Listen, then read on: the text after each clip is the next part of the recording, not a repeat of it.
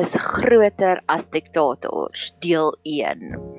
So ek het nou onlangs ek begin om deur die psalms te werk en dit is vir my so merkwaardig en oplettend, opvallend eintlik om te sien hoe Dawid elke liewe situasie in sy lewe gevat het en dit gaan oor analyse het en gaan skryf het hoe hy voel daaroor en dit dan vir God gegee het.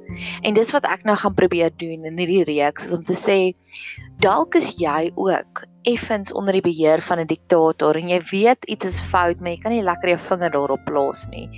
Dalk sal hierdie vir jou riglyne gee om te sien maar dit wat ek voel, hoe ongemaklik ek voel in hierdie persoon se teenwoordigheid. It is real Jy kan daaroor piep, jy kan daaroor klaag, want in klaagliedere staan daar hierdie opdrag van God af om te sê stort jou hart uit voor die Here. En ek het al gesien wanneer ek my hart uitgestort het voor die Here, dan is dit asof ek meer nou kan ek nie teenwoordig is in die volgende situasie want die oomblik wat jy dit gaan uitsorteer het en oue analyse het en dit alles vir God gegee het kan jy in die volgende situasie meer lewendig voel in daai situasie. So dis waarna ek nou mik Ek is deur 'n ondervinding en vanaand is dit ons jaar afsluitingsfunksie van ons vriendekring en ek wil ten volle teenwoordig wees. Ek wil elke stukkie van die liefde opsouk by hierdie vriendekring want ek weet dis pure liefde, dis ware liefde, dis opregte liefde. Dis nie boelie liefde nie, dis nie manipulasie liefde nie. Dis nie ek het oor die naweek het ek hierdie pragtige mooi woord gehoor, Kersfees narkose. Dis nie 'n narkose tipe van liefde nie. Dit is ware liefde en ek weet ek staan nou voor 'n kruispunt. Of ek kan nog steeds my wonde lek oor dit waartoe ek nou onlangs deur is, of ek kan my wonde gaan lek en dit 100% voor God se voete gaan neersit. Laat ek in die volgende seisoen vanaand se seisoen waarna ek gaan ingaan waar ek weer daai ware liefde gaan kry dat dit ten volle teenwoordig gaan wees. So ek gaan begin deur om ietsiekie wat ek geskryf het gistermiddag om dalk net die konteks te verduidelik en dan van daar af gaan ek gebedspunte gee. So deur die gebedspunte gaan jy voel, o ja, maar dit het ek ook al gevoel en um dan kan jy daarmee dan nou resoneer en ook daarvoor bid dat jy beskerm kan wees. Want op die einde van die dag, dis hoekom ons bid. Dis ons bid dat die Here ons beskerm. Ek dink aan Sedrag, Mesig en Abednego. Hulle was binne in die vuur, maar hulle het ongedeen daar uitgekom. Hulle het nie eens na rook geruik nie. En Jesus sê ook daar gaan moeilike tye kom, maar hy's nog steeds by ons. Hy is Immanuel. So om 'n volwasse gelowige te wees beteken nie ons gaan nie gaga hê nie. Inteendeel, ons gaan meer gaga hê, maar dan kom jy die superhero eienskap van jy's bulletproof. Jy gaan deur die vuur, maar jy's ongedeen. En dis waarvoor ons bid. So, ter inleiding, hier is 'n stukkie wat ek gister geskryf het. Ekskuus, dit gaan 'n bietjie doodling want ek gaan dit lees, maar ek wil hiermee begin en dan gaan ek weer praat meer meer net gesels. Ek het jare terug die film Shooting Dogs gekyk, die film oor die 1994 Rwanda genocide. Die film is gemaak deur die oorlewendes van die groot tragedie. Ek voel soos een van hulle tans. Hulle moes weer terugkeer na die slagveld op 'n emosionele en 'n fisiese manier. Dis hoe ek voel nadat ek die naweek weer by my kinderhuis was. Die enigste verskil tussen my en die oorlewendes van die Rwanda genocide is my slagveld het vererger. Dis die machetes wat hulle jare terug gebruik het, is nou ingeruil vir bazookas en atoombomme. Ek is dankbaar dat ek nou na 4 dae terug kon instap in my sanctuary, my veilige hawe. Die trane het gerol on onbeheers vir die tweede keer hierdie week toe ek besef het hier is ek veilig. My hart breek immers nog vir die wat nog steeds in die slagveld bly. Ek wonder baie keer of die Cubanese Cubanese besef het Fidel Castro was 'n diktator en dat hulle daaglikse lewenstyl was ingevleg met marteling en emosionele teistering. Het die Zimbabweërs besef dat Robert Mugabe besig om sy eie toring van Babel te bou ten koste van hulle basiese lewensregte? Ek het verlede week na 'n potgooi geluister oor die huis van gruwels en die oudste dogter wat oorleef het wat nou 'n boek geskryf het. In haar boek in die pot gooi verduidelik sy dat sy het gedink hoe sy opgevoed was, was normaal. Dis baie keer die die probleem met slagoffers van 'n mishandelende verhouding. Hulle besef nie dat die behandeling is eintlik mishandeling nie. Nou eers na die naweek het my oë oop gegaan. Ek is dankbaar God het my relatief bulletproof gemaak vir sy optredes. Maar my hart breek in 10000 stukkies vir die tsunami van verwoesting wat ek raak gesien het wat hy saai vir diegene rondom hom. Ek glo daaraan om labels te plaas op al ons probleme. Dis is hierdie my eerste po poging om die labels te op te plaas, om te bid vir genesings vir die slagoffers eerstens en belangrikste vir my eie laaste stukkie van emosionele genesing vir my kinderdae. Dalk net dalk is daar nog ruimte vir 'n wonderwerk vir 'n genesing vir hom. Maar eerlikwaar lees ek daardie droom. Ek het lank genoeg gewag, gebid en gehoop. Ons het Sondagoggend na 'n preek geluister van Mosaïek Kerk. In die preek het die pastoor verduidelik dat Jesus moes uit die ryk van Herodes kom vir beskerming. Eers later nadat Jesus groot was, sou hulle as 'n gesin terugkeer na die ryk van Herodes om die manipulasie ook nog 'n diktator se optredes te kon evalueer. God het my ook so beskerm. Vir die afgelope 6 jaar het God my geseën met soveel, eintlik 'n oorvloed van normale gesonde verhoudings, dat ek die naweek duidelik die onderskeid kon sien tussen die diktatorskap en normale gesonde liefde.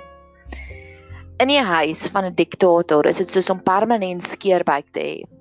Alhoewel jy daagliks voeding kry, 'n tipe van liefde, omgee en versorging, voel jou siel en jou gees nogtans leeg, bleek, anemies en siek. Jy sukkel immers om jou vinger daarop te plaas. In die afgelope 6 jaar het God my so goed kom voed met 'n normale, gebalanseerde dieet van normale, gesonde liefde dat ek kon dadelik die diagnose maak dat die naweek dat ek ly nou aan emosionele skeurbuik. So dis 'n stukkie wat ek gistermiddag geskryf het nadat ek teruggekom het by die huis. En van hier af en ek het eers gedink dalk gaan ek julle storie skryf, maar toe besef ek daar's soveel krag om dit uit te spreek. En ek wil graag hierdie eerste getuienis gee van hoe het ek by die besef gekom dat dit 'n diktator. Dis 'n baie harde woord. Dis 'n baie aaklige woord. En dalk is jy ook te bang om amper 'n label op te plaas want ons is ons is so gewoond ons moenie labels plaas op mense nie, maar wat my vriendinne keer op keer vir my gesê het voor die naweek is hulle het gesê moenie met te hoë verwagtinge gaan nie. En dis my manier hoe ek myself probeer beskerm om te sê dis wat hy is en ek gaan nou niks meer verwag nie. En die dis wat hy is, dis 'n groot stap om te maak. En um ek was 'n paar maande terug was ek in Mosambiek. En terwyl ons in Mosambiek was, is daar verskriklike baie probleme met ape. So as jy die een skuifdeur oop los en jy gaan net vinnig toilet toe, dan is die ape dadelik in en hulle is dadelik aan die beskuit en hulle steel die beskuit en dan hardloop hulle uit. En ek het daar al tot die besef gekom dat sekere mense in ons lewe is net ape. Ons verwag so, ons sien hierdie hierdie diertjie en ons hoop hy gaan 'n hond word wat by ons voete kom lê of 'n kat wat op ons skoot kom spring en purr en vir ons liefde gee. Maar party mense is net ape. Al wat hulle doel is in ons lewe is net om ons beskuit kom steel. En die oomblik wat ons daai switch maak om te sê ek gaan nie meer verwag dat jy gaan 'n hondjie of 'n katjie wees wat my gaan liefde gee nie. Jy is net 'n pestilens en ek moet die deur toemaak en ek moet myself beskerm hoe vinniger en hoe voller en hoe ryker gaan ons daarvan uitstap. Want die oomblik toe ons daai besef gemaak het dat o, die ape gaan 'n probleem wees, het ons net nooit die skuifdeur oopgelos sonder dat ons nie in die vertrek is nie. Want jy jy terwyl jy in die vertrek is, besef jy nie meer die aap hou jou dop nie. En die oomblik wat jy uitstap, dan kom hy. En dis ook baie mense sien is hulle hulle hou 'n mens op 'n subjektiewe of nee, op 'n subconscious level, op 'n onderbewussyn level, hou hulle ons dop. En die oomblik wanneer ons val of die oomblik wanneer ons 'n kwesbaarheid wys, dis wanneer hulle ons aanval. So mag jy ook tot daai besef kom dat daar sekere mense in jou lewe wat jy net letterlik altyd die skuifdeur moet toe hou na jou hart toe. En dis wat ek glo wat beteken God your heart. En die oomblik dat ek tot, tot daai besef gekom het van moenie gaan met hoë verwagtinge nie. Moenie gaan om te verwag dat hierdie persoon gaan vir jou liefde teruggee nie. En en kry 'n veilige hawe en dit was op daai oomblik wat ek anders begin kyk het na die situasie. My hart het begin breek nie meer vir my nie want ek is ongedeen daardeur, maar vir die mense rondom hom. En hoe ek tot tot by hierdie besef gekom het van die diktatorskap is ook 'n radikale getuienis en ek wil dit sommer nou dadelik hier ingooi. Soos ek gesê het, ons het Sondagoggend het ons saam saam met die diktator op sy versoek na 'n preek geluister. En die persoon het die hele tyd terug verwys na jy kry Herodes in jou lewe, mense wat hulle eie toring van Babel bou en jy kry ander mense in jou lewe. Mense soos Jesus wat vir jou omgee en wat beskerming vir jou wil gee en wat jou wil genees en wat jou wil vertroetel en vertroos. En dis dadelik wanneer ons daai onderskeid maak en in die preek en ek sal die link hier onderin sit dat ek het gou gesê preek se link want dit is 'n baie goeie preek van Mosaïek. Het hy keer op keer verwys na die onderskeid van die Herodese, die diktators en die ander mense wat regtig vir 'n hart vir mense het.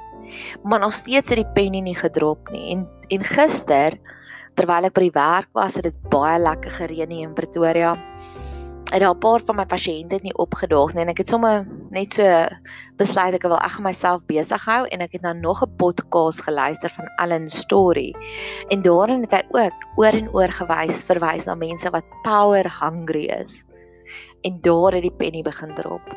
Om te sê aha mense kry mense wat net diktators is So mag God jou ook help dat jy ook kan deur mense sien. En weer eens my hart breek ook vir hulle. Want ek besef ook jy kan net uitdeel dit wat jy alreeds ontvang het. En ek glo dat baie van ons tussen 50 tot 70 jarige mans in Suid-Afrika is tot 'n minder of 'n meerdere mate bietjie van 'n diktator.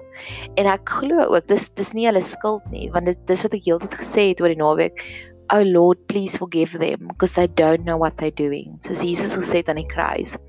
Want ek glo ook hulle het hulle het groot geword in 'n lewe in 'n huis, in 'n kinderhuis waar hulle paas het net uit die arm jare uitgekom. So alwaaroor daai paas ge-worry het en alwaaroor hulle besorgd was, was om net 'n beter lewenstyl vir hulle kinders te gee waarvan hulle groot geword het.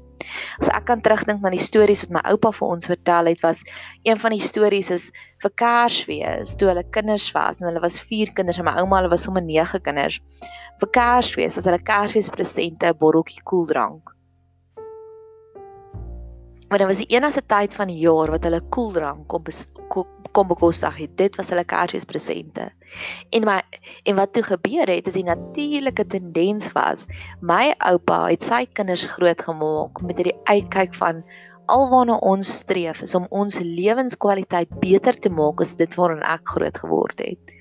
So liefde en omgee was die laaste prioriteit want hulle het uit die depressie jare uitgekom. En as ek vandag kyk na my vriende wat kinders het, hulle lewensuitkyk is heeltemal anders. Hulle probeer om 'n goeie lewensgehalte vir hulle kinders te gee, maar bo op dit probeer hulle daardie emosionele versorging te gee. En as ons ook vandag kyk na die normale kultuur rondom ons, daar is baie meer klem wat geplaas word op emosionele genesing, op geestelike siektes. Daar's baie meer beraders, daar's baie meer mense wat equipped is, wat bemagtig is met om te sê maar ons moet individueel na ons mense kyk. So my hart breek vir sulke mense en dalk is dit vir jou ook sit want ek glo 'n groot gedeelte van ons generasie kom uit sulke tipe van huise uit en dis waarteen ek nou wil rebelleer en sê nee Here, kom leer ons meer van liefde. Leer ons meer van die joy wat daar is in 'n gemeenskap om werklik waar om te gee van mense en dis dis waar my storie ook inkom ek is baie geseënd om vir die afgelope paar jaar regtig in 'n baie gesonde um familie wil ek amper sê want my vriendekring het soos my familie geword want ons kyk anders na mekaar ons gee om vir mekaar. So dit was letterlik daardie groot kontras van ek is gewoond aan hierdie tipe van lewenstyl. En toe het ek weer teruggegaan na my kinderhuis toe en toe was dit weer daardie koue harde prestasie gebaseerde liefde wat gedeel is en ek en ek was gegooi en ek sê nee, maar dis nie liefde nie. Hierdie is nie wat dit is nie. So dis nou juist waarteen ek bid en dalk is dit ook vir jy is tans. En die eerste storie wat ek wil vertel van die eerste onderskeid wat ek getref het met dis ware liefde of hierdie is prestasie gebaseerde liefde of hierdie is manipulasie tipe liefde. Die verwelkoming dink jouself gaga in die oomblik wat jy by 'n diktator is, by 'n boelie is en hulle moet jou groet want dit is goeie maniere en hulle is baie erg op reëls en goeie maniere, is dit hierdie harde koue drukkie. Dis amper soos 'n handdruk, dis soos dush. dag. Jy weet as iemand vir jou sê aangename kennis, maar eintlik weet jy dit is nie aangename kennis nie. So dit was die eerste onderskeid wat ek getref het van nee, dis nie hoe dit moet wees nie. En la, die volgende oggend ek wakker word, is ons huishulp van jare. Sy ek dink ja, sy sal saam met die saam met ons gesin vir seker ek wil nou nie jok nie. Ek wil amper sê 25, 26 jaar dink ek. Sy is al baie lank deel van ons familie. En toe sy my sien, dis sit sy sy was besig om skorrelgoed te was. Dis sit sy alles neer en sy hardloop amper na my. Maar sy het vir die vinnige tree gegee en sy kom onhals my en sy hou my so vas en sy sê hallo Nodi. Ooh, so lekker om jou te sien. En ek soos Aha, en dit laat my dink aan die gelykenis van die verlore seun. Want toe die oomblik toe die pa en daai pappa was 'n goeie pappa. Toe hy sien sy seun op die horison sien aankom, het hy na hom toe gehardloop om hom te verwelkom. En in daai stadium, as jy in daai Joodse kultuur gelewe het, hulle was ook baie prim en proper. So om te hardloop was heeltemal buite die normale sosiale kultuur. En dis die verskil wat ek sien tussen mense wat diktators is en normale mense. Hulle gaan uit hulle comfort zone uit om vir jou te verwelkom, om jou welkom te heet.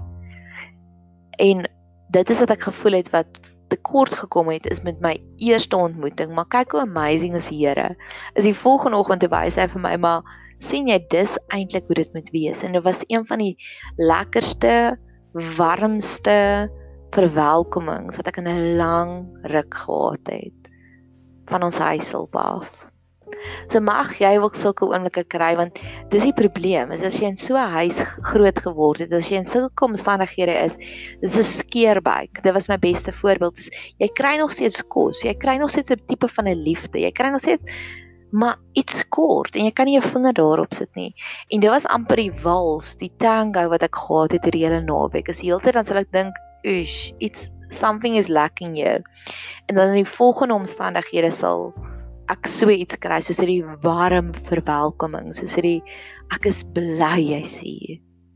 En mag jy ook sulke oomblikke kry van waar jy voel maar iets is kort en iets something is lacking, maar God net in die volgende oomblik vir jou wys maar dis wat ek bestem het. En dis ook een van die grootste ander opposisies wat ek het in die wêreld is daar's soveel mense wat vasgevang is in godsdiens en dis amper vir my daai dans ook heeltyd. Dis jy voel iets is nie reg nie want jy weet daar's meer en God is soveel meer en hy wil regtig vir 'n intieme verhouding met ons hê. So mag jy in elke omstandighede waar jy voel maar iets is effens verkeerd, mag God net vir die volgende oomblik die onderskeid tref. Een van die volgende notas wat ek wel wil sê is um ek wil dit sommer nou al sê. Dit het ook vir my gevoel hierdie hierdie geleentheid wat ek weer gehad het om terug te gaan na die slagveld toe. Was dit soos jy het jare lank Riek koffie gedrink en dan eendag dan gee iemand vir jou 'n koppie Jacobs koffie en jy sê mmm die is so lekker. En dan raak jy gewoond aan die smaak van Jacobs koffie. En dan op 'n dag dan gee iemand weer vir jou 'n koppie Riek koffie en jy sê nee maar hier is nie koffie nie. En koffie Riek koffie is tegnies nie koffie nie. Maar dis chicory en chicory is die boom die koffieboom se se wortels wat hulle fyn grind en dan gee hulle en dit is dan wat rikoffie is. Dis wat chicory is. En dis wat baie keer gebeur is ons God haal ons uit daai omstandighede uit om ons te genees. En dan op 'n stadium dan kry ons weer so kykie en dan sê ons is nee, maar hierdie is hierdie is nie koffie nie. Hierdie is rikoffie, hierdie is chicory. So mag jy ook en ek glo dis wat dit beteken wat Paulus van geskryf het in 1 Korintiërs 12 om te sê die gees van onderskeiding. Mag jy duidelik daai onderskeiding kan sien. Net soos ons koffie proe, hierdie is chicory en hierdie is regte koffie. Gaan kyk hoe lyk ons tyd. Ek het nog een storieetjie wat ek ook wil vertel en um ook voor wil bid. Dat ek het gou die chicory. Ja. Daar's nog een storie en dis waaraan ek dadelik gedink het. Baie keer met 'n diktator met iemand gewoonlik weet hulle hoe om mense te bestuur. Daar's 'n verskil tussen om mense te bestuur en om 'n werklike intieme verhouding met iemand te hê. En ek gaan nog baie daaroor gesels oor intimiteit en wat is die verskil tussen 'n ware verhouding. Maar ek het 'n paar weke terug het ek gebinge kyk aan How I Met Your Mother. En dalk moet ek weer 'n nota daarvan maak. Dalk is daar 'n YouTube klip daarvan. En hulle ontmoet hierdie een persoon, sy naam is the Captain in um How I Met Your Mother. En op 'n storie met hulle hierdie hele onderskeid wat hulle sê maar sy sy mond glimlag, maar sy oë is so kwaai en moord moorde oë. Verstaan soos dit lyk soos asof looks could kill, né? Nee? En dis baie keer wat gebeur met iemand wat in so 'n posisie is wat nog nooit regtig ware liefde gehad het nie. En ek weet in Arthur in die film Arthur sê hy sê, sê hy ook so, sê hy ook vir op 'n storie your words are kind, maar jou stemtoon is scary. En dis baie keer hoe ek voel ook in die teenwoordigheid van diktator. Dis hulle hulle probeer die regte dinge te doen, maar en dis hoekom ek soveel meer empatie het vir hulle want ek sien jy probeer om die regte ding te doen, maar daar is nie 'n sagtheid daar uit nie. Dis soos die captain wat hulle gesê het in How I Met Your Mother. Jou oë of jou mond smile, maar jou oë smile nie saam nie. En dit het my weer eens laat dink aan Paulus wat Paulus geskryf het: Al gee ek al my goed en ek gee my liggaam om verbrand te word, maar daar's nie liefde nie, het ek 'n klinkende simbool geword. En dis wat ek keer op keer ervaar is baie mense, veral mense soos dit, diktators, harde mense, mense wat um empires bou, empire builders, rykdombouers, mense wat ja, soos soos diktators is um hulle gee nie daai liefde nie. Dis hard, dis koud. Hulle sê iets mooi maar tot dat jy voel nie goed daarna nie. Hulle hulle gee vir jou feesmaal maar daar is nie voeding vir jou siel nie. En en Salomo het ook daarvan geskryf wat hy gesê het eerder 'n droë brood met liefde daarbey is 'n feesmaal met konflik daarbey. En baie en dis baie keer ons siel is gemaak om te hinker na daai liefde, na daai sagtheid, na daai warmheid. En dan kyk jy na hierdie feesmaal voor jou en jy kyk na al die harde moeite wat hulle ingesit het en dit beteken vir jou niks. Dit is 'n klinkende simbool. En dan stap jy by die volgende persoon in en hulle gee vir jou 'n paar broodkrummeltjies, maar daar's soveel liefde saam met daardie broodkrummeltjies en jy sê, "Aha, dis waar ek op soek is."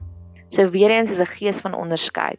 En mag God my en jou seën met daardie gees van onderskeiding om te sê dis waarvan Paulus gepraat het om te sê jy word 'n klinkende metaal. En dis waarvan Salomo geskryf het om te sê eerder 'n droë stuk brood met liefde daarbey as 'n feesmaal met hele konflik daarbey. So, ek gaan aangaan in die volgende een met nog punte wat ek uitgelig het en gewetspunte. Mag jy 'n geseënde dag hê verder.